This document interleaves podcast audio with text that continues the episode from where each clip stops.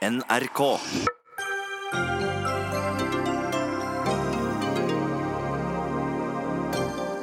Hva gikk galt da Helse Sør-Øst ville outsource IKT-tjenester? Det måtte helseminister Bent Høie svare for i Stortinget i dag. Dette er en skandale fra A til Å, sier Senterpartiets Kjersti Toppe, som møter helseministeren til debatt. Mannen bør ha mulighet til å fraskrive seg alle rettigheter og plikter før barnet blir født, mener Stavanger Fremskrittsparti, som vil åpne for juridisk abort. En klar innskrenking av kvinnens rett til selvbestemt abort, mener spaltist. Og Norfund mener norske NGO-er lever av å finne feil til selskaper som investerer i utviklingsland. Reinspikka tøv, svarer Norsk Folkehjelp.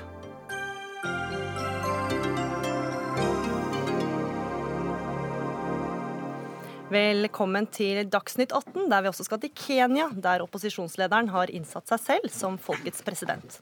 I studio Gry Veiby. Hvordan kunne 122 IT-arbeidere fra Bulgaria, Malaysia og India få fullstendig eller delvis tilgang til pasientdata til 2,8 millioner nordmenn etter at Helse Sør-Øst forsøkte å sette ut driften av IKT til utenlandske selskap? Det er bare ett av mange spørsmål som har blitt stilt i saken som NRK Nyheter har avdekka, og som så langt har ført til at outsourcinga er midlertidig stoppa, at Datatilsynet har konkludert med lovbrudd og millionbøter. Og I dag skulle helseminister Bent Høie redegjøre for denne saken i Stortinget. Og eh, Bent Høie, helseminister eh, fra Høyre. Etter din mening, er det noe du kunne ha gjort for at denne saken skulle vært unngått? Det er jo eh, alltid lett å være etterpåklok, men jeg tror at det som jo var Hovedutfordringen i denne saken det var at det ikke ble gjort eh, gode nok risikovurderinger av selve den overføringsfasen. Eh, og Da viser seg òg at eh, en ikke hadde god nok kontroll på å gi autorisasjon til de som skulle ha tilgang. Og Dermed så skjedde det som òg var helt riktig, nemlig at prosjektet ble stoppa. Det er viktig òg å si at det er ikke det at personer fra utlandet har hatt tilgang, eh, som jeg òg fikk fram i min redegjørelse i dag. Det er normalsituasjonen både den norske helsetjenesten og internasjonalt. Skal en ha en moderne helsetjeneste som tilbyr moderne medisinsk-teknisk utstyr, moderne IKT-løsninger, så vil det òg innebære at personell som sitter i utlandet, òg har tilgang til personsensitiv informasjon, men det skal være på en trygg måte. Så, så, så du er enig i at det ikke er bra, det som har skjedd? det er jeg helt enig i, ja. men uh, du òg bruker det som mange andre sier, at det, det at noen fra utlandet hadde tilgang, at det er på en måte problemet. Det er ikke det som er kjernen i problemet. Kjernen i problemet er at det er personer som ikke var omfattet av databehandlingsavtaler, som ikke var under god nok kontroll, hadde tilgang. Og Så er det òg viktig å understreke at det er ingenting som tyder på at personsensitiv informasjon er kommet på avveie. Men da La meg bare begynne med åpningsspørsmålet igjen. Er det noe du kunne gjort som øverste, øverste sjef for eh, hele Helse-Norge for å unngått dette her? Altså, dette er en sak som, eh, som eh, Helse Sør-Øst har, har, og har hatt ansvar for. Og, det, og Hva sier det om ditt ansvar, at ikke du har noe ansvar i saken? Nei, Det er de som har ansvar for dette. For det er de som, som inngår den type kontrakt. Jeg utnevner styret i Helse Sør-Øst, og det er de som har ansvar for disse sakene. Kjersti Toppe, stortingsrepresentant eh, fra helse- og omsorgskomiteen fra Senterpartiet. En skandale fra A til Å, sier du. Hva, hvorfor er det det? Hmm. Nei, fordi at uh, Dette handler jo om tilliten vi skal ha til uh, norsk helsevesen. Og det handler òg om at ikke vi skal utsette nasjonen uh, for en, noe som går ut over nasjonens sikkerhet. Og helseopplysninger er jo akkurat det. Og når du spør om ikke en kunne gjort noe, så ble jo Eh, statsråden og Helsedepartementet advart i, i stort monn eh, når eh, det ble kjent at Helse Sør-Øst ville inngå denne kontrakten. Fagmiljøet og fagorganisasjonene de, de, stilte spørsmål. Vi hadde masse spørsmål i Stortinget om sikkerheten dersom det ble inngått en sånn kontrakt. Vi fikk til svar om at nei da, dette handler ikke om pasientsystem eller journalsystem, og dette måtte en gjøre fordi at en skulle spare penger og få mer penger til pasientbehandling. Eh, og det er jo klart at eh, Å skylde på, på, helseforetakene i en så alvorlig sak, eh, det syns jeg er veldig provoserende. For det er Hva syns du Bent Høies ansvar her er, da? Ja, Det er klart det er Bernt Høie sitt ansvar. fordi at ja, vi har helseforetak i Norge, og de har et sørge-for-ansvar for pasientene. Men det er et overordna ansvar, der står òg nedfelt i lova, at dersom det er snakk om nasjonale interesser, eierinteresser, som da er staten, så kan en gripe inn. Og når en i tillegg får så mange spørsmål og svarer oss i Stortinget på at dette er helt greit, så syns jeg ikke, det er ikke greit at en kommer unna med det på en sånn bagatellmessig måte som jeg opplever at statsråden gir uttrykk for i denne saken. Bagatelliserer saken, Høie? Nei, altså det, dette er jo med respekt å melde ikke riktig, Kjersti Toppe. For det første, det er ingenting bagatellmessig i at eh, jeg, eh, når jeg så at det var en sprik mellom den informasjonen som jeg fikk fra Helse Sør-Øst, og den informasjonen som fremkom i media, så grep jeg umiddelbart inn. Eh, det ble satt i gang en stor utredning. Så utsourcingprosjektet ble stoppa.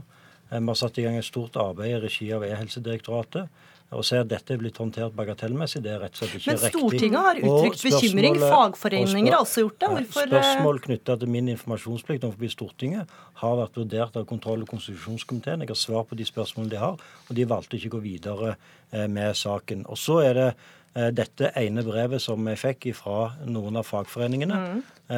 om denne saken, der de ba om et møte. Da takka du nei? Det, det takker jeg nei til. Det brevet var i all hovedsak et brev der en argumenterte generelt mot outsourcing. Eh, at fagforeninger er imot outsourcing er ingen nyhet. Så dette var en ryggmargsrefleks, men, egentlig, da, nei, denne eh, reaksjonen det, fra fagforeningen, og kanskje nei, også Stortingets det opposisjon? Er, det som da òg var min klare tilbakemelding til fagforeningen, at de har representasjon i styrene. De har fått, fikk komme med sine innvendinger der som beslutningene tas. Det er ikke jeg som tar beslutninger knytta til valg av IKT-systemer i helseforetakene, og de hadde fått kommet med sine synspunkter der. Toppe.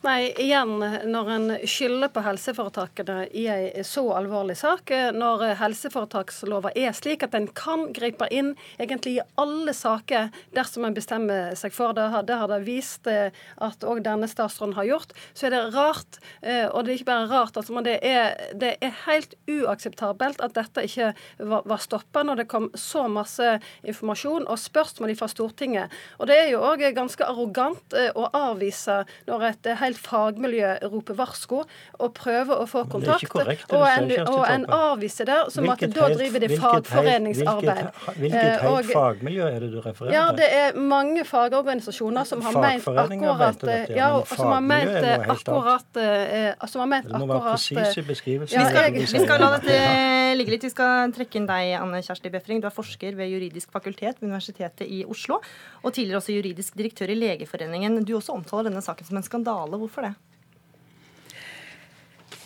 Det er flere ting i denne saken. Eh, for det første har jeg lyst til å si at eh, når vi oppsøker sykehus som pasienter, så skal vi ha trygghet for at de opplysningene eh, vi gir fra oss, at de beskyttes, og at de kan brukes i behandlingen av pasientene. Og så er det en kritisk infrastruktur i sykehusene med store journalsystemer hvor stadig mer informasjon lagres eh, og deles. Og det er ikke lenger nok at eh, legen eller psykologen sier til pasienten at eh, jo, disse opplysningene blir hos meg. Noe som egentlig følger av loven at man skal kunne gjøre. Fordi man er avhengig av systemene over. Og nå hører vi jo diskusjonen om informasjon mellom RHF-et og departementet. Det er også en diskusjon om innflytelse for sykehusene. For ansvaret påhviler sykehusene og helsepersonell. Det er de som skal ivareta taushetsplikten eh, og eh, yte forsvarlig helsehjelp. Og Hva mener du denne saken viser? da? Nettopp Nei, Den eh, viser at man treffer beslutninger på nivået over sykehusene uten at sykehusene har noe særlig innflytelse. Og Jeg har gått litt inn i det, og jeg har sett på vedtaket fra Datatilsynet. Og jeg ser at dette er nok en sak. Vi har hatt mange saker de siste ti årene som viser at dette systemet er tilrettelagt for å skyve på ansvaret. Altså Vi får ikke klarhet i hvem som egentlig har truffet beslutningene, og hva som er grunnlaget, og som, eh, hvor vi kan plassere ansvaret. helt tydelig. Her diskuterer man jo det politiske ansvaret, men det gjelder også det administrative ansvaret. Hvilken rolle at Sykehusene, sykehusene er pålagt å bruke Sykehuspartner, eh, som er en monopolist i denne sammenhengen, og betale for det. Men det er begrenset hvilken innflytelse de har. Mm. Det er vanskelig å si hvor ansvaret ligger høye. Dette er jo Nei, det er nettopp derfor jeg òg reagerer på det Kjersti Toppe tar til orde for. For hun tar hele veien til orde for et ansvarspulverisering i dette systemet. Ja, hvordan gjør hun det, da? Det er egentlig det er jeg som helseminister som skal ha oversikt over alt som er, skjer nedover i Men hvordan mener du at hun dermed- ansvarspulveriserer? Jo, fordi at det er veldig viktig å understreke hvem er det som har ansvar for de ulike beslutningene. Og det må ligge på, på styrenivåene i helse, helseregionen. Så er det helt riktig at det er HF-ene altså de enkelte sykehusene, som er databehandlingsansvarlige. Denne prosessen var forankra i det som heter moderniseringsstyret i Helse Sør-Øst. Der satt alle direktørene i eh, sy- sykehusstyrene. Der var òg brukerrepresentanter der. Så jeg er helt enig i at den, det er en utfordring når vi skal etablere større nasjonale og regionale systemer. Eh, og Derfor er jo en av anbefalingene som jeg fikk på den rapporten fra eh, Helsedirektoratet, at vi bør se på om eh, det bør endres. og Det er et utredningsarbeid som nå er i gang. Men det fratar ikke det ansvaret som det enkelte sykehus og helseforetakene har i denne Ja, saken. for Toppe, eh, eh, altså, eh, Sykehusene og styrene har jo et visst ansvar, de også, for det som har skjedd. Ja, selvsagt. eh, Og det er veldig har lett de- å si at det er han som eh, har alt ansvaret. Ja, men eh, det er litt sånn alvorlig talt. Når tid skal det skje noe verre i norsk helsevesen uten at det skal få politiske konsekvenser?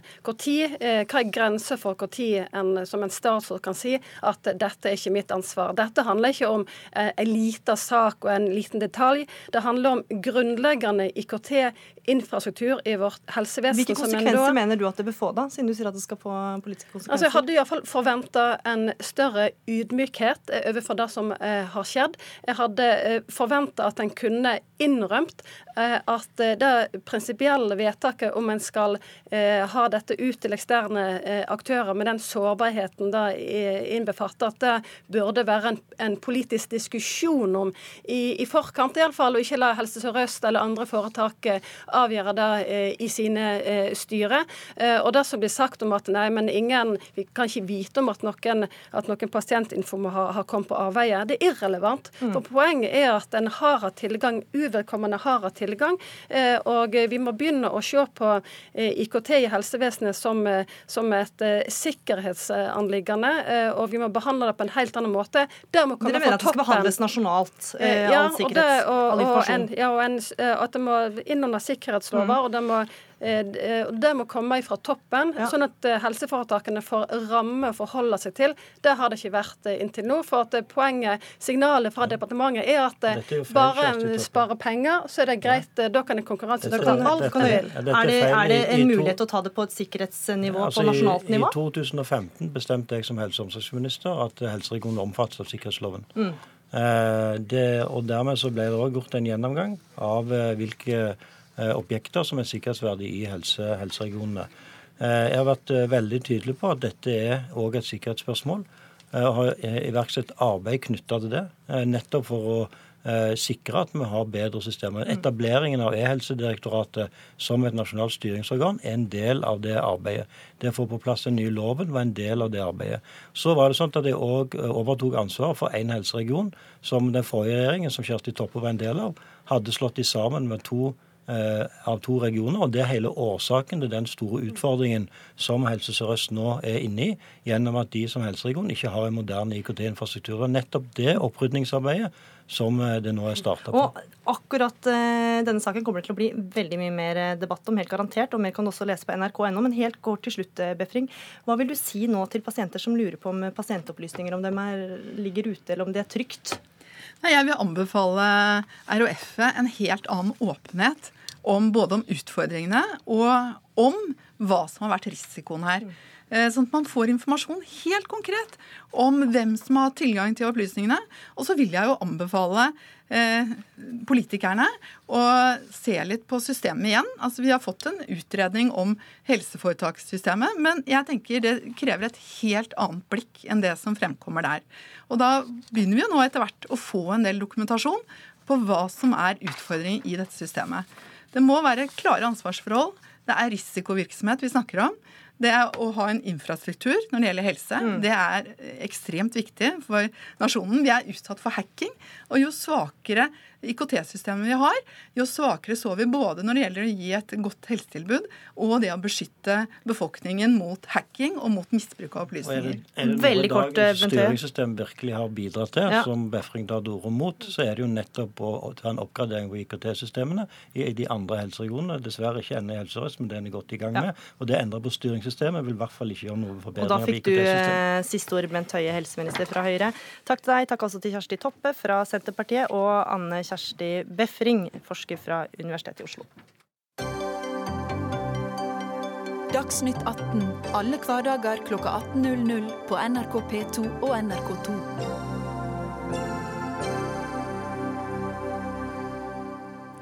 Hvor skal man gå med saker som dreier seg om seksuell trakassering? Til domstolene eller til den nyoppretta diskrimineringsnemnda? Det er noe av det Stortinget skal ta stilling til i kjølvannet av metoo-kampanjen, etter at SV og Rødt har lagt fram forslag som de mener vil bekjempe seksuell trakassering. Og Et av forslagene er at Diskrimineringsnemnda skal få kompetanse til å håndheve saker om seksuell trakassering. Men det advarer du mot, Nina Melsom. Du er direktør for arbeidslivet i NHO. Hvorfor det?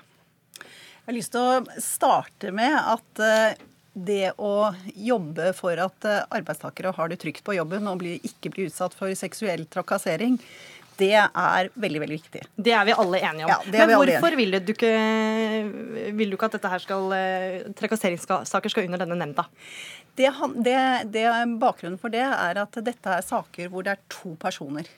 Gjerne også tre. Det er arbeidsgiver, og så er det den som blir utsatt for mm. eh, seksuell trakassering, og så er det den som påstås å, å drive med seksuell trakassering. Og skal man vite om det har foregått seksuell trakassering, og disse sitter med to historier, så må man ha muntlige forklaringer. Hvorfor kan ikke nemnd ha muntlige forklaringer? Det kan en nemnd gjøre, men Diskrimineringsnemnda er per i dag ikke på en måte skrudd opp for å eh, legge til rette for muntlige forklaringer. De skal først og fremst basere seg på skriftlighet. De kan ta imot også muntlige forklaringer, men de er primært skrudd opp på basis av skriftlige forklaringer. Og Da tenker jeg at domstolen er rigget på en annen måte. De er rigget for å ta imot forklaringer fra begge aktører, og eventuelt også fra vitner. Det skaper rettssikkerhet. Og det skaper forutsigbarhet for begge parter. Og mm. det tror jeg alle aktører her er eh, tjent med, at mm. vi får en trygghet rundt det. Likestillings- og diskrimineringsombud Hanne Bjurstrøm, du mener jo da Diskrimineringsnemnda bør kunne gi oppreisning og erstatning i slike saker. Hvorfor det? Jeg mener at eh, domstolen, sånn som vi har i dag, det fungerer ikke. Fordi sakene bringes ikke inn for domstolen. For en ung person i et idrettslag eller eh, en, også på en arbeidsplass som opplever diskriminering av denne typen, eller trakassering, så er det en enorm terskel å gå til domstolen. Det, det er realiteten i dag. Og da har vi sagt at en mulighet bør være den nemnda som vi nå har, som kan nettopp ha uh, muntlige forhandlinger, og som er nå satt med veldig tungt, uh, tung, tunge dommere som skal sitte i den, mm. med, med, tung faglig bakgrunn. Og da mener vi at det bør være tilstrekkelig. Også fordi at de behandler jo mange andre typer saker hvor det er flere parter inne. F.eks. saker om, om, etnisk diskriminering, om man har uttalt seg rasistisk overfor noen f.eks. Så vil jo de kunne, også på en annen måte vil det være bevisspørsmål, og de kan gjøre det. Jeg mener rettssikkerhet er veldig viktig. Jeg har en bakgrunn som jurist. Mm. Men jeg mener at sånn som den nemnda er rigget, så mener vi det er ett godt alternativ. Det må ikke være nemnda, men det som vi har i dag med domstolen, det fungerer ikke tilfredsstillende. Mm. Melsom, det er jo sånn at De færreste saker om seksuell trakassering faktisk kommer eh, for domstolen. Ja, og Der er jeg enig med Bjørstrøm at terskelen for å bringe saker inn for domstolen må senkes. Eh, og Da tenker jeg at kan, da kan man heller se etter muligheter for å ta det grepet, og så bruke den institusjonen som er rigget for å ta imot muntlige forklaringer. Eh, det vi har pekt på, det er at du kan ha et system med forenklet rettegang, som det heter, eller småkravsprosess, mm. hvor du på en måte bare legger til rette for at det er det alminnelige domstolsapparatet som tar imot disse sakene. Mm. Så, jeg, så, så, så, sånn sett så, tror jeg istedenfor å bygge opp noe på siden, så kan man heller utvide det man allerede har. Og Bjurstrøm, I dag er det jo sånn at eh, den nye diskrimineringsnemnda, som er helt ny, har stor pågang. Allerede nå så har de saker eh, ventetid på ett år. Det høres jo ikke ut som de trenger flere saker sånn som det er eh, nå. Poenget er at uh, dette tror ikke det blir mange saker. Vi ønsker og er veldig opptatt av at alle disse sakene må jo løses på et lavest mulig nivå. Vi ser for oss at vi skal ha et arbeidsliv hvor arbeidsgivere vet hvordan de skal håndtere dette. Jeg tror ikke det blir mange saker, men jeg tror at i de sakene som på en måte, hvor man ikke når frem gjennom organisasjonen sin eller ledelsen der, uh, gjennom arbeidsgiveren sin, så må man ha en, en, lett måte å nå frem på. Men hva med lavterskeltilbud da, gjennom domstolene? Ja, alle mulige måter som gjør det enklere via domstolen er bra. Men, men det som, som Elsom sier, er at man skal bygge opp noe på siden av domstolen. altså Det som er situasjonen i dag, er jo at alle andre saker av lignende karakter går for nemnda. Det er disse sakene som tas ut. Det er her man lager en egen type ting. Og det er det vi syns er litt rart. Og så tror mange at vi dreier seg ikke om straffesaker. Alle straffesaker, om du har gjort noe straffbart som, med seksuell trakassering som kan komme under strafferettslige, skal selvfølgelig til domstolen. Mm. Dette dreier seg om de sivilrettslige reglene knyttet til seksuell trakassering. Hvor vi syns det er naturlig kanskje å likestille dette med f.eks., som jeg nevnte i stad, eh, rasismeanklager eh, og den type ting. For der er det veldig ofte de samme bevisspørsmålene. Mm. Ja, for I dag så kan denne nemnda ta for seg saker som eh, dreier seg om rasisme eller mobbing. Hvordan skiller det seg så stort fra seksuell trakassering? Dette handler jo om oppreisning, erstatning erstatning eh, i forhold til om du har utøvet seksuell trakassering. Og det er klart at det er forferdelig belastende for en person å bli beskyldt for det. Eh, og da tenker vi at eh, når det er snakk om det, så er det riktig at vedkommende får anledning til å forklare seg at man har et regelsett som sikrer en forsvarlig saksbehandling. Men de kan jo forklare seg nå? Jo, men da er man jo tilbake til at da må man trygge eh, aktørene, sånn at man lager saksbehandlingsregler som legger til rette for muntlige forklaringer. Og det igjen, det kan man Hvorfor skal man gjøre det? Altså man, for per i dag så har er hovedregelen i nemnda at det skal være skriftlighet. Mm. Men det er veldig tydelig i, i forarbeidene til nemnda at den kan i visse typer saker ha muntlige forhandlinger. Og det er eh, dommere med eh, god domstolkompetanse som skal eh, være og, treffe avgjørelsen i denne nemnda. Så vi syns at dette er et godt alternativ. Men som sagt, alt som gjør det også enklere å bringe saker inn for domstolen, er bra. Men man må huske på at denne nemnda skal også treffe spørsmål, avgjørelser om erstatning.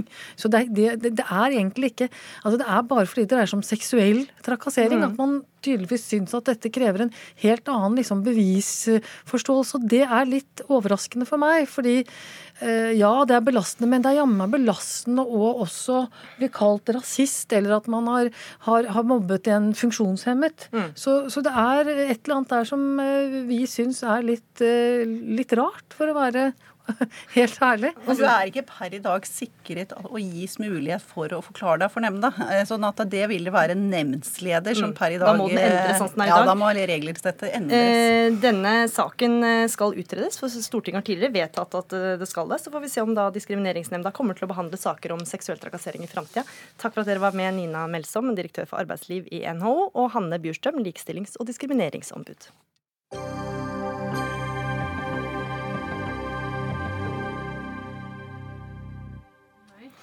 Da utstillinga med navnet Hen, flytende kjønn, skulle åpnes lørdag, ble kunstner Tonje Jevjon nekta å framføre sangen Vagina Anthem. Og det var Haugar eh, Vestfold kunstmuseum som hadde invitert eh, Jevjon til kunstutstillingen, der kjønnsoverskridende muligheter i kunsten var tema. Og det var nettavisen Minerva som omtalte saken først, og det førte til at du trakk deg. Tonje Jevjon, du er kunstner. Du mener at museet sensurerer kunsten din. Hvordan gjør de det? Altså, Vi var invitert med performancegruppa mi, Hungry Hearts, til å ha en performance. Mm. Uh, og til uh, Dette har jo vært en pågående dialog siden uh, juli i 2017. Og vi ble invitert fordi at jeg har vært i media og vært kritisk belyst av problematikk knyttet til, til transproblematikk. Og jeg fikk jo beskjed av kurator at hun ville nettopp ha Hungry Heart som er i utstillingen fordi at vi hadde et feministisk perspektiv og var kritisk til eh, en del av den problematikken som det her skulle handle om. Og selvfølgelig så skal den diskursen som foregår eh, i samfunnet også foregå på, på kunstscenen. Så sendte jeg henne eh, teksten til Vagina Anthem 7.12. og hørte ingenting. og så da 24.12. så Det skjedde jo noe imellom der, men for å bare ta Bare litt ta det, shortcut ja, så, så, med, ja. Eh, Så 24.12. så får jeg beskjed om at den eh, låten den kan oppleves krenkende av transpersoner, så den får jeg ikke, eller får gruppa mi ikke lov til å fremføre Ja. på åpningen. Hvorfor var det så viktig å framføre den sangen? Eh, fordi at eh, det er, jo, det er jo problematikk knyttet til eh, denne endringen av loven av juridisk kjønn, som jeg, har, eh, som jeg og gruppa mi på en måte har eh, Vi har gått inn i den problematikken. Eh, Og det var også derfor vi ble invitert. Og vi har laget den låta, og den er en vesentlig del av performancen. Sånn at det for oss å, få bli nektet å fremføre den som egentlig er, handler om kvinner som blir knebla i offentlige rom, det, det ble såpass alvorlig at da kunne vi ikke fremføre resten av performancen. Avdelingsdirektør ved Haugar Vestfold kunstmuseum, Jan Åke Petterson. Hvorfor fikk ikke Gjevjon framføre denne sangen under åpninga nå sist lørdag?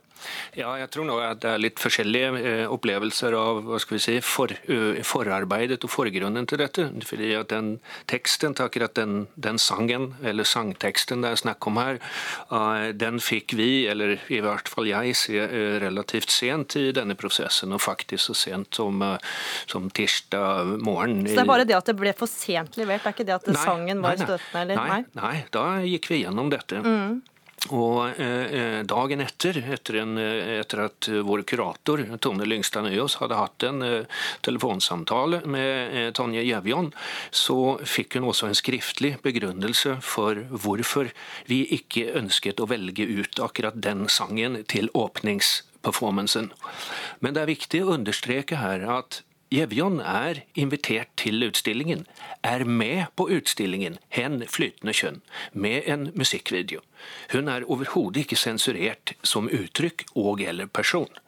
I vår katalog så står det en relativt omfattende redegjørelse for hvor hun står i miljøet og hennes meninger, slik at vi har tatt i vare på det. Men det, det oppstår altså eh, Hun har sin versjon av hvorfor hun har lyst bare å, altså, å fokusere på eh, det hun kaller en, eh, en, en sensur, og ikke på utstillingen 'Hen flytende kjønn', som har vært en stor suksess og er utmerket kuratert. Så det er ikke noe galt med sangen? Nei, i- i og for seg så er det ikke det. Men den, den passer altså ikke inn i det i den utstillingsidé, i det form og innhold, okay. som vi i tre år har arbeidet med å få fram. Petterson, og, vi skal høre litt på sangen, så skal du få, snart få fortsette.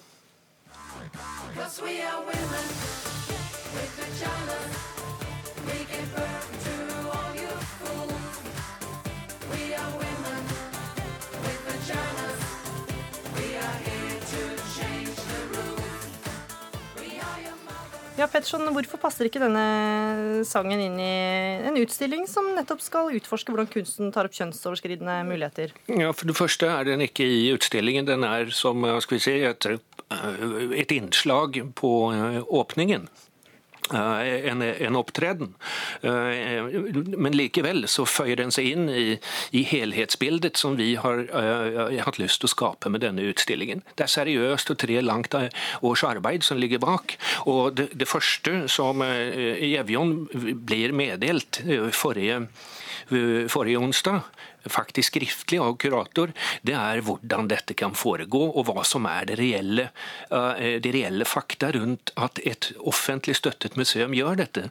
Og det å kuratere en utstilling, det er å være faglig ansvarlig for utvelgelsen av alle kunstnere, samt verken som de skal være representert med. Det er ikke bare slik at, at en, en som føler seg kuratert inn i utstillingen, kan velge hva de vil. og Føler diktere meg kuratert? Men Gjevjon, det var jo bare at den ikke passa inn i utstillingen. er Nei, her for, jeg, nå, for det første, jeg føler meg ikke kuratert. Jeg har jo skriftlig grunn til at jeg kan si dette, at jeg har dokumentasjon på at jeg og gruppa er invitert. Og vi er invitert på, fordi at vi har det uttrykket vi har. Jeg regner med at kurator på Haugar har satt seg inn i hva slags uttrykk vi har. Vi har hatt en løpende dialog. Jeg har sendt teksten. Det har ikke kommet én tilbakemelding. Men hva, din, hva tror du er grunnen da til at de ikke vil at dere skulle Nei, Jeg har det jo skriftlig her. Jeg har f.eks. fått en mail om at jeg kan ikke, det her er fra kurator. Jeg kan ikke finne noe diskriminerende av transpersoner i teksten. Så for meg er eh, Så jeg syns den er fin. Og så sier Poenget at de har også fått Dette, dette er, en, det er en gruppe som hele tiden har Jeg har også fått beskjed av Haugar at, eh, at de eh,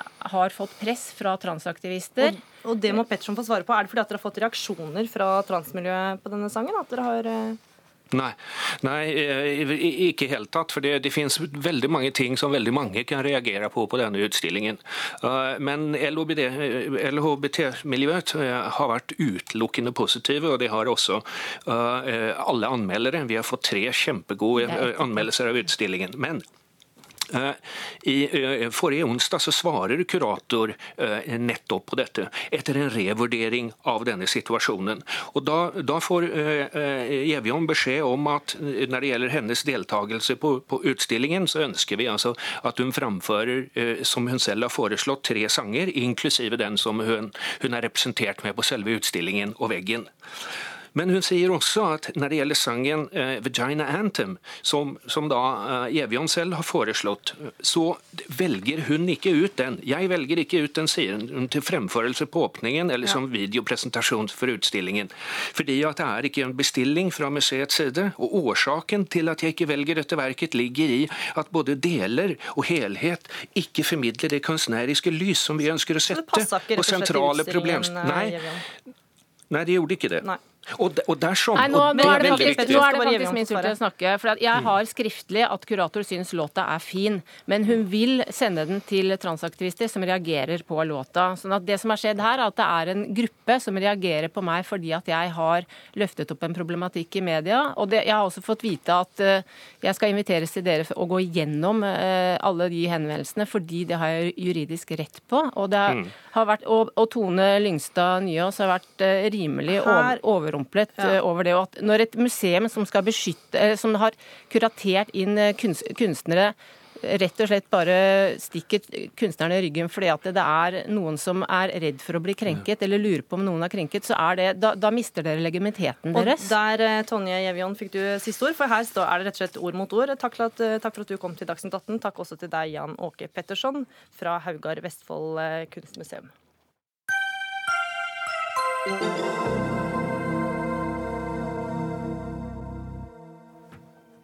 I dag fikk Kenya ny president. Det var opposisjonsleder Raila Odinga som samla over 20 000 mennesker i Uhuru Park i hovedstaden Nairobi, der han ble innsatt som det kenyanske folkets leder. Og eh, hva i all verden er det som skjer nå, Sverre Tom du befinner deg i Kenya? Nei, det er, det er et veldig godt spørsmål. For nå har jo da landet egentlig liksom to eh, presidenter. Eh, opposisjonslederen Rail Odinga har altså tapt, tapt, tre valg. Han mener det har vært juks hver eneste gang. Nå er han 72 år og har fått samlet sammen noen noe folkemøter som da har utropt han som den egentlige folkets representant. Og han ble innsatt da med alle mulige slags gåsetegn og hermetegn og anførselstegn i dag av folket. Eh, så nå regnes han som folkets president av de som støtter han, og hva det innebærer, det er det ingen som vet. Men er dette lov, det som har skjedd i dag? Nei, det er ikke lov. Det er lover mot slik man kan ikke ha to presidenter i et land. Så myndighetene har reagert på to måter. Den ene er at uh, juseksperter sier at mannen må fengsles, og, og, han er en forræder. Det er dødsstraff for forræderi også i, i Kenya. Eh, mens det andre deler av det statsbærende partiet eh, sier at eh, jo, jo, men også han er president for akkurat disse her. Vi har mange presidenter i landet. Vi har president for Røde Kors, vi har president for Kennelklubben. Rail Odinga kan være president for akkurat de som mener at han kan være president for dem, en engere krets ifølge dem. Så han latterliggjøres på den ene siden, og han trues på den andre siden. Og så er det den sittende presidenten. da. Hvordan reagerer han på det som skjer? Nei, Det vet vi ikke. Han er i et toppmøte med Den afrikanske union i nabolandet Etiopia, i Addis eh, Abeba. Han har ikke kommentert dette direkte så langt, men tidligere har han prøvd å legge alle mulige alle mulige hindringer i veien for at Rail Odinga skulle da eh, tas i såkalt ed. Men det skjedde i dag. Og, det som var interessant, og som gjorde at mange journalister plutselig laget store saker ut av det, det var at myndighetene stengte ned sendingene til tre-fire store TV-stasjoner for å hindre at noen sendte denne seremonien direkte. Og det er en stygg sak for et eh, land som mener at de har et velutviklet demokrati med store demokratiske friheter, f.eks frihet til å si hva du vil, og fri presse. Mm. Fredrik Makosir, du er talsperson for den kenyanske foreningen i Norge. Hvordan eh, reagerer kenyanere i Norge på det som skjer? Eh, nei, nå er det vært ganske lenge eh, med valgkamp og all det styret der, så de fleste eh, reagerer med Altså, folk håper at nå kan vi sette punktum på det som har foregått ganske lenge. Eh, og håper at det blir fredelig fremover. Mm. Men tror du det blir det med Odinga, da, som bare har eh, tatt eh, makta? Det håper jeg det blir det, og jeg håper det blir mulighet for dialog. Uh, uansett uh, hvordan, man ser på den. Uh, I og med at altså, Man kan si at han har innsatt seg som president, men lag merke til ord, ordlyden. Han brukte folkets president ikke landets president. Så det kommer an på hvordan man ser på dette. her, Men jeg regner med og håper at det blir mulighet for dialog eh, og fred fremover. For det er en polarisert politisk situasjon i Kenya, eller hva, Radøy? Det kan man ikke gå ja, Den er veldig ikke bare politisert, den er også uh, basert på befolkningsgrupper. Altså Du stemmer ja. ikke på et politisk parti som sådan, Kristelig Folkeparti eller Arbeiderpartiet eller Høyre. Det er nesten utelukkende basert på hvilken etnisk bakgrunn du har, altså hvilken befolkningsgruppe du, du, du, du har når du går og, og stemmer på det partiet som støtter din befolkningsgruppe. Så det er ikke et helt vanlig demokrati. Men det er da heller ingen vanlig president som i dag er haha, innsatt. Eh, det er som det sies, det er en slags folkets eh, president. Så Uhuru Kenyatta, landets valgte president, har altså eh, formelt ingen konkurranse fra, fra Raila Odinga. Det er ingen som vet hva han kan bruke denne makten eller mandatet han sier han har fått til. Det hele er svært uvisst, og det bekymrer mange. For dette landet fra valg til valg opplever etnisk vold i forbindelse med at en ny president velges. Mm. Og Mako sier det, Vi hører at det er polarisert politikk, og det er vel også mange meninger i Norge om eh, det som skjer blant kenyanere? Ja, det, det, kan man ikke um, si noe imot. Uh, men uh, som du sier det, så har det vært sånn, det er ikke sånn den type demokrati eller sånn politiske partier slik vi har det i Norge.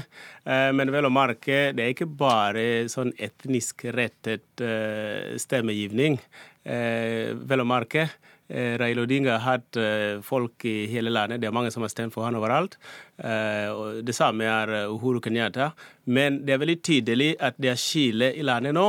Mm. Det er de som støtter opposisjonskoalisjonen NASA, og det er de som støtter eh, Jubilee, som er politisk, det, er det regjerende politisk parti. Eh, det vi håper at vi kan klare å samle landet. Det blir en kjempejobb nå eh, for presidenten, og ikke nok med det for Raila Odinga for å få sine folk til å skjønne at vi trenger et land, og ikke fortsette med det delt eh, system som vi har akkurat nå politisk. Mm. Fredrik eh, Makosir, talsperson for kenyanske foreninger i Norge, takk for at du var med, og takk også til deg, Sverre Tom Radøy fra eh, Kenya. Hør Dagsnytt 18 når du vil. Radio NRK Radio.nrk.no.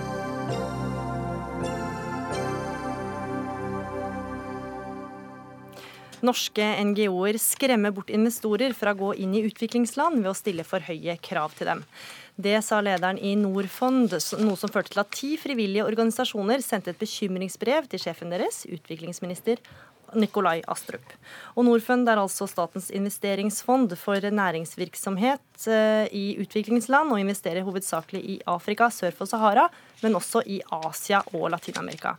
Og Henriette Westrin, du er generalsekretær i Norsk Folkehjelp. Dere er en av organisasjonene som har signert dette bekymringsbrevet, som vi kan lese om eh, i Bistandsaktuelt. Hva er det dere reagerer på? Du, det er altså, Grunnen til at vi sendte dette brevet nå, det er jo fordi at vi er så glad for at vi har fått en utviklingsminister på plass.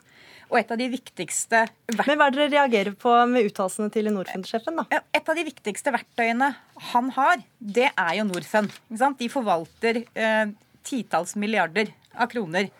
Og så har vi altså en eh, direktør eh, for Norfund som har eh, sagt at kravene om å følge menneskerettighetene eh, er urealistiske og til hinder for utvikling. Og dette, for det er jo FNs prinsipper eh, for menneskerettigheter som vi er opptatt av at, av at skal følges. Norfund er eid av Utenriksdepartementet. Utenriksdepartementet er jo de som også har fremforhandla disse prinsippene i FN.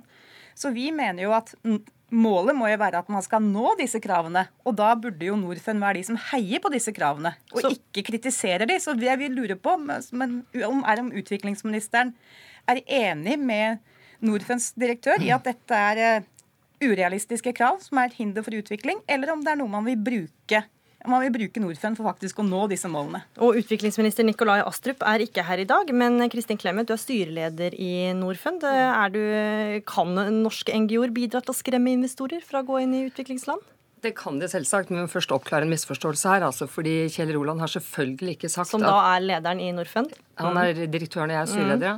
Han har selvfølgelig ikke sagt at det er eh, noe problem å følge menneskerettighetene. Vi følger de høyeste standarder som er eh, for dette. Men det han har sagt, er at hvis vi får mange forskjellige konkurrerende og overlappende veiledninger og retningslinjer, så kan det skape byråkrati og uoversiktlighet som gjør at det kan skremme noen bedrifter bort. Og på hvilken måte han- kan NGO-ene bidra til det, ja, da? og Det han også har vært inne på, det er at enkelte NGO-er kanskje Mm. kan være fristet til både i Norge og andre land å stille enda høyere krav enn disse standardene krever, og at man kan ha lav toleranse for feil. Og så sier han hvis dette fører til at norske og andre vestlige bedrifter skremmes bort fra å etablere seg eller investere i fattige land, så er det veldig synd for de landene. For det Så han noe... sier ikke at det skremmer, han sier hvis det skremmer. Ja, og det er veldig mye som tyder på det. Fordi Mm. de internasjonale investeringene i de fattigste landene de går i forbausende grad liten, liten grad opp, enda det er land, mange land som har høy vekst, hvor det er store forretningsmuligheter. Og det er bedrifter som sier det også til oss. Og da kan man spørre hvorfor blir de skremt bort. Selvfølgelig er det mye risiko i de landene. Det er selvfølgelig en stor risiko ved å investere eller etablere seg i et veldig fattig land. Men noen skremmes bort av det man kan kalle omdømmerisiko her hjemme. At de er redde for at eh, de skal gjøre feil, for det skjer i sånne land. Eller at det stilles så høye krav at det ikke er mulig å etterkomme. Og det har han vært opptatt av, fordi det finnes ikke ett eneste land i verden som har fått til økonomisk utvikling uten at man har hatt vekst i privat næringsliv. Så vi trenger bedrifter som investerer i disse landene. Og han føler seg som en talsmann for de private bedriftene. For NGO-ene kan da bidra til å, å hindre at man får eh, Ja. Det kan i verste, verste fall se. Utrolig det, formelt verste fall se. Men det som er Ja. mest alvorlig med dette brevet, hvis jeg må få lov til å si det, det er at eh, ti organisasjoner skriver et brev til utviklingsministeren som etterlater inntrykk av at Norfund ikke er opptatt av å følge menneskerettighetene. Vi følger noe som heter IFC Mm. Performance Standard, som er nærmest gullstandarden, og som tar opp i seg alle relevante konvensjoner. Stiller dere litt for høye krav, eh, Vestrin? Nei, langt ifra. Vi, vi mener at det finnes tre sett med krav. Det er FNs prinsipper, det er OECD sine prinsipper og det er Verdensbankens prinsipper. Alle disse tre prinsippene bygger på menneskerettigheter. eh, Og helt, de er liksom, disse overlapper jo, og det er det som er så bra. Og det er jo sånn at Norge har jo selv vært med å fremforhandle disse FN-prinsippene. Så vi bare tenker at vi må jo heie. Norfund må jo hjelpe til og si hvordan kan vi følge disse kravene enda bedre. Og ikke fremstille det som det er et hinder. Og når, det vi gjør, det er jo bare å si hei, Norfund. Hvordan skal vi jobbe sammen for å sørge for at investeringer er i tråd med disse retningslinjene? Og da får vi svar nei, dette er urealistisk, og dette er et hinder for nei. utvikling. Og det er det vi har kritisert. Du sier at vi, vi følger Verdensbankens retningslinjer, det som heter IFC. Og de Mm. tar opp i seg alt det andre. Så det er det ikke noen tvil om. Men det Kjell Roland har vært inne på, er at når du får noe fra FN, noe fra OECD, noe fra Verdensbanken som i bunn og grunn handler om det samme, så kan det bidra til eh, å skape eh, en kompleksitet nei, nei, at er nei. kompleksitet Mm. og et, og eh, ulike rapporteringssystemer osv. som kan bidra til å skremme bort. Det er jo ikke noe vits å ha veldig mange konkurrerende systemer hvis de overlapper, som du sier. Så Norfund følger de høyeste standarder, og vi stiller høye standarder til de bedriftene vi investerer i. Det kan det ikke være noen tvil om. Men vi har jo flere eksempler på at Norfund, eh, mener vi, ikke har gjort en god nok jobb.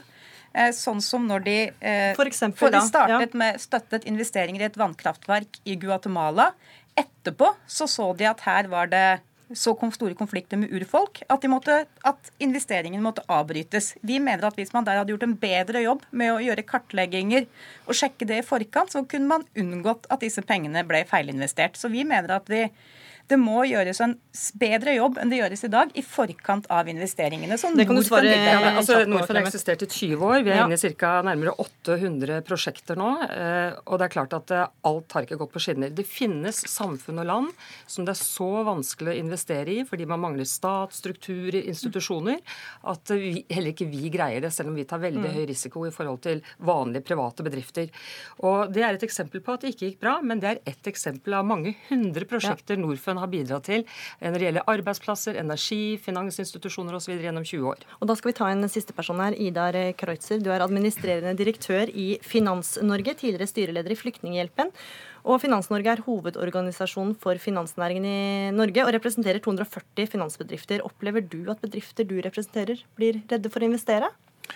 Eh, hvis vi eh, ser på den diskusjonen, så syns jeg det er et par-tre punkter som er interessante å, å merke seg. Altså for det første eh, det er nå behov for investeringer i eh, opp mot 100 eh, 1000 milliarder eh, kroner i, i uh, ny infrastruktur i verden. Mm. Uh, og det er, ingen, det er, ingen, som tror at dette kommer fra offentlig sektor uh, alene. Privat sektor må inn i landene, og vesentlig del skal skje i, i utviklingsland. Her er det da ulike roller. Uh, Men hvis du skal svare aktører, på spørsmålet, tror du NGO-ene kan gjøre at bedrifter blir redde for å investere? Ja, noen aktører uh, Noen har en rolle å være aktør her, skal utvikle. Andre har en rolle å passe på. NGO-ene skal passe på. Jeg tror det er ganske viktig at vi aksepterer at NGO-ene har den rollen. De skal stille krav, uh, og de skal si ifra når de ser at noe er det de mener, på tvers av retningslinjer. Men hvor realistiske er kravene deres, da? I mange tilfeller så er de godt berettiget vellykket. I noen tilfeller så skyter de langt over mål. Eh, jeg tror vi skal ikke være så redde for at vi har høylytte NGO-er som eh, sier godt ifra i mange sammenhenger. Jeg tror også vi som næringsdrivende står oss på å si at vi kommer ikke til å gjøre alt riktig hele tiden. Mm. Eh, noen ganger så tar vi feil, noen ganger så har vi vurdert feil. Det er en del av det å gjøre business. Når vi gjør feil, så lærer vi av det, og så gjør vi det ikke feil neste gang. Hvis NGO-ene faller i fellen, systematisk å stille for høye krav, så kan det føre til at man blir for forsiktig. Og da oppnår NGO-ene det motsatte av det de ønsker. Er det det de har gjort, Clemet? Har de stilt for høye krav så man blir for forsiktig? Nei, det som jeg er mest kritisk til her, er at hvis man leser det brevet de har sendt utviklingsministeren, så etterlater det faktisk et inntrykk av at Norfund ikke bryr seg om å følge standard for menneskerettigheter. Og det er jo med respekt å melde blank løgn. Men er det fordi at de har stilt for høye krav, NGO-ene? Nei, det, ikke, det, er, det, er, en annen anklage. Men, eh, men det er også eksempler på at man stiller høye krav. Jeg kan jo gi noen eksempler på det. F.eks. at man ikke bare stiller krav om Vi stiller selvfølgelig krav om likestilling og ikke-diskriminering. Men det å stille krav til at bitte små bedrifter i fattige land f.eks. også skal ha halvparten ansatte kvinner, eller at de skal ha så og så mange ansatte funksjonshemmede, det er jo krav som ikke engang stilles til norske mm. bedrifter. Når f.eks. Innovasjon Norge eller Landbruksbanken yter, yter lån til norske bedrifter. Så av og til stilles det i år overkant høye krav. Og da blir det så vanskelig å drive næringsutvikling i fattige land at man kanskje heller trekker seg tilbake. Men jeg kritiserer ikke at vi har NGO-er som er, stiller krav, men de må også holde et presisjonsnivå som er tilstrekkelig høyt. Bestrin. Vet du hva, Jeg blir veldig glad hvis Kristin Clemet nå sitter og sier at uh, FNs prinsipper Eh, for menneskerettigheter, som er enstemmig vedtatt, og som er framforhandla også av Utenriksdepartementet, skal følges av Norfund. Så tenker jeg så fint, da skal vi jobbe sammen for å se hvordan vi skal få det på plass. Men da må jo dette snakkes opp Eh, hvordan vi skal få det til, og ikke snakkes ned og snakke om som, om, som et hinder, som vi mener at Norfund i altfor stor grad har gjort tidligere. Så jeg er jo bare veldig glad for den presiseringa som står her. Jeg opplever her at det er en fare for at man snakker litt forbi hverandre. Uh, våre medlemsbedrifter arbeider med Norfund. Norfund følger AFCs uh, eh, prinsipper. Uh, hvis du sammenstiller de prinsippene med FNs prinsipper, så er de langt på vei overlappende. Mm. Og det å si at man da følger øh, menneskerettsprinsippene til Verdensbanken, det er i prinsippet det samme som å si at man følger FNs menneskerettsprinsipper. Uh, og da går det ikke på å stille for høye krav. Jeg syns det høres ut som man er, egentlig er enig om hvilke krav hvor listen skal ligge. Så kan det være at i noen situasjoner så er det definisjonsspørsmål. Ja, la oss gå inn i de, finne løsninger på det.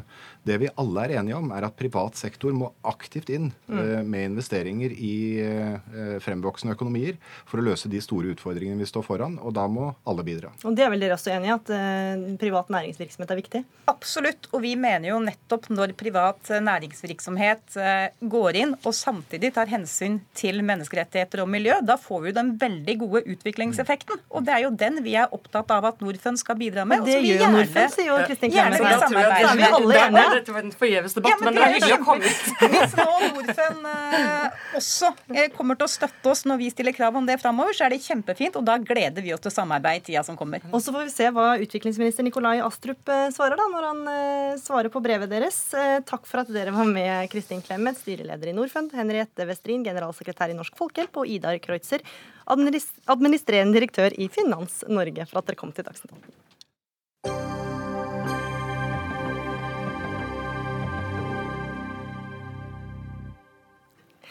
Abort eller svangerskapsavbrudd har så langt vært opp til den gravide kvinnen å avgjøre om skal skje.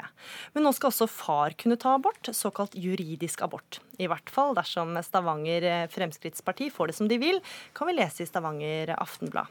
For lokallaget vil ha utreda ordninga og fremme forslaget på årsmøtet i Rogaland Fremskrittsparti kommende helg. Og Kristoffer Sivertsen, du er leder i Stavanger Fremskrittsparti. Altså Kort fortalt gir juridisk abort mannen mulighet til å fraskrive seg alle rettigheter og plikter før barnet blir født. Hvorfor mener du at det bør innføres i Norge? Vel, det handler jo egentlig om at begge kjønn, alle kjønn skal få muligheten til å si fra seg foreldreskapet i tilfeller hvor eh, de gjerne ikke ønsker det. Og Det er litt derfor vi ønsker å utrede det. For det, Selv om det er en vanskelig problemstilling, så er det likevel en debatt vi må ta. For verden er ikke A4. Og her handler det om å se litt utover det tradisjonelle synet som vi gjerne har hatt i Norge med de tradisjonelle foreldrerollene, og se på er det sånn at regelverket vi har i dag egentlig fungerer godt nok. For vi vet at det er mange gråsoner her. Vi vet at prevensjon ikke er 100% sikker, og vi vet at kvinner og menn kan bli lurt. Og Det er derfor vi bør se på om det er lurt å justere det regelverket som vi har i dag. Men du er da jurist, og så helt konkret, hvordan skal en juridisk abort gjennomføres? Har du tenkt?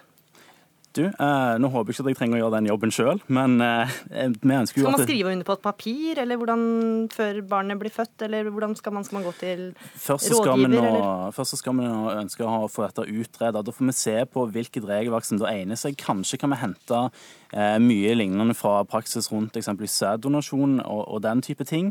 Men det, ikke, det, konkrete her nå er ikke hvordan dette helt skal være utformet. Nå handler det om å se om vi bør justere det, om juridisk abort er en god ting. Er det styrker og svakheter? Svakheter som i sum taler for at ja, det er en god idé å gjøre dette her. Det er der vi er nå, og det er derfor vi ønsker å få dette utredet. Mm. Medlem av Miljøpartiet De Grønne og tidligere ungdomspartileder i samme parti, nå spaltist i Dagbladet, Anna Kvam. Du mener juridisk abort vil kunne innskrenke kvinnens selvbestemmelsesrett. På hvilken måte gjør den det? Altså, jeg vil jo begynne med å si at eh, vi kan jo velge å tolke Stavanger Frp i beste mening, eh, i den tro at eh, de ønsker å oppnå reell likestilling i samfunnet. Men det er veldig lett å gå i den fella at man tror at hvis man skal oppnå reell likestilling, så betyr det at man må gi akkurat de samme like rettighetene og like mulighetene til alle grupper. Men vi har grupper i samfunnet med ulikt utgangspunkt. Og da kan det faktisk noen ganger være sånn at man må behandle dem ulikt for å fremme likestilling. Og her kommer poenget mitt. Fordi jeg mener at retten til selvbestemmelse, den er det den som er gravid, den som har en livmor, som skal ha. Og det at den som har påført eller bidratt til å skape graviditeten i den kvinnen som, som har en, en, livmor, den må være med å bidra økonomisk hvis barnet skal bæres fram.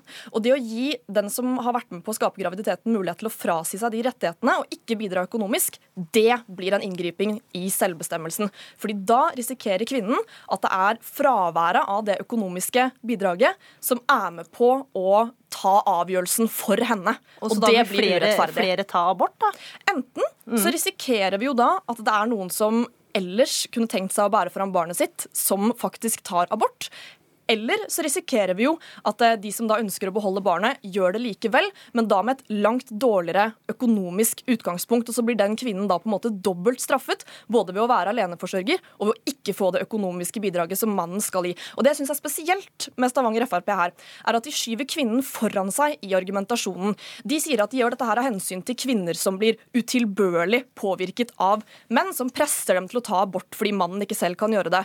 Men det Frp gjør med det forslaget her, er jo belønne mannen som holder på sånn, ved å gi den mannen et nytt maktmiddel. Nå kan jo den mannen gå til kvinnen og Mm. si hvis du ikke vil, vil være gravid, eller jeg vil ikke at du skal være gravid, og derfor så vil ikke jeg betale noe heller. Og det er urettferdig. Ja, Sivertsen. Det blir lett for menn å komme seg unna enn eh, noe de ikke vil være med på. Jeg tror eh, MDG gjør sitt beste for å misforstå denne resolusjonen, men det som er litt underlig, er at MDG glemmer kvinnen i sitt forsøk er på å ta Frp her. Ja, ok, fair enough. Eh, Men poenget uansett er at menn som lurer kvinner til å bli gravide, da har kvinnen reelt sett få valg. Enten så kan hun ta men abort, er eller så kan hun beholde ungen. Han som lurte hun da, får da foreldreansvaret òg. Men barnet kan ikke adopteres vekk uten samtykke fra mannen. Da sitter egentlig kvinnen i saks, og hvis kvinnen ikke ønsker å være forelder, så kan hun ikke velge å gjennomføre svangerskap med dagens regler. Da må hun velge abort, og det er ikke likestilling i mine øyne. Nå skjønte jeg ikke Men- hva du men mente. det Nå gjorde ikke jeg. heller, rett og slett. Hva var det du mente med det du sa nå? Poenget er egentlig med dagens regelverk så er det så enkelt at kvinnen har ett valg egentlig hvis hun ikke ønsker å være eh, forelder. Og det er jo dessverre å ta eh, kun eh, alternativ som abort. Ah, ja, men så kan, nå, nå mener du at nå kan far nå er få barnet? Yes, det er helt rett. For det nå er regelverket nylig blitt endra som gjør sånn at begge foreldre, uansett om de bor sammen, får automatisk foreldreansvaret. Så det vil si at kvinnen da faktisk må ha samtykke fra, fra mannen for å kunne adoptere vekk ungen. Så i dag så er det jo ikke reell likestilling på dette området. Det er jo hele poenget. Og det gjør meg litt skuffa når en får så harde angrep fra, fra Grønn ungdom, eller hvem du nå representerte. og Jeg for meg selv som kvinne. Eh, Og det som jeg er veldig opptatt av her, er at jeg syns at både hvis det er av hensyn til kvinner denne juridiske aborten skal innføres, sånn som, sånn som din partifelle argumenterer for i Dagbladet i dag. Men også hvis det er av hensyn til menn som liksom er blitt lurt til å, til å gi en kvinne graviditet, og så sitter de saksa økonomisk etterpå, så syns jeg eh, argumentasjonen holder dårlig vann. Og grunnen til det er rett og slett at konsekvensene ved å gjennomføre en abort eller ved å gjennomføre et svangerskap alltid vil være ulik for henholdsvis den gruppen i samfunnet som har en livmor og kan få barn, sånn som meg, og de som ikke har det. Og Det er derfor retten til selvbestemmelse også bør være ulik. Sivertsen? Dette handler jo om å holde hodet kaldt og se om vi kan forbedre et regelverk som ikke fanger opp alle tilfeller i dag. Altså, det er Men har, har du, sånn- vært, har du møtt noen som er i den sånn situasjonen der de ønsker er juridisk abort? Nei, men det, det, det som er veldig viktig Vent litt, Har du vært i en situasjon hvor, du, hvor noen har ønsket juridisk abort? I dag så har jeg faktisk fått tilbakemelding fra mer enn 50 stykker som har uttrykt støtte til meg for dette.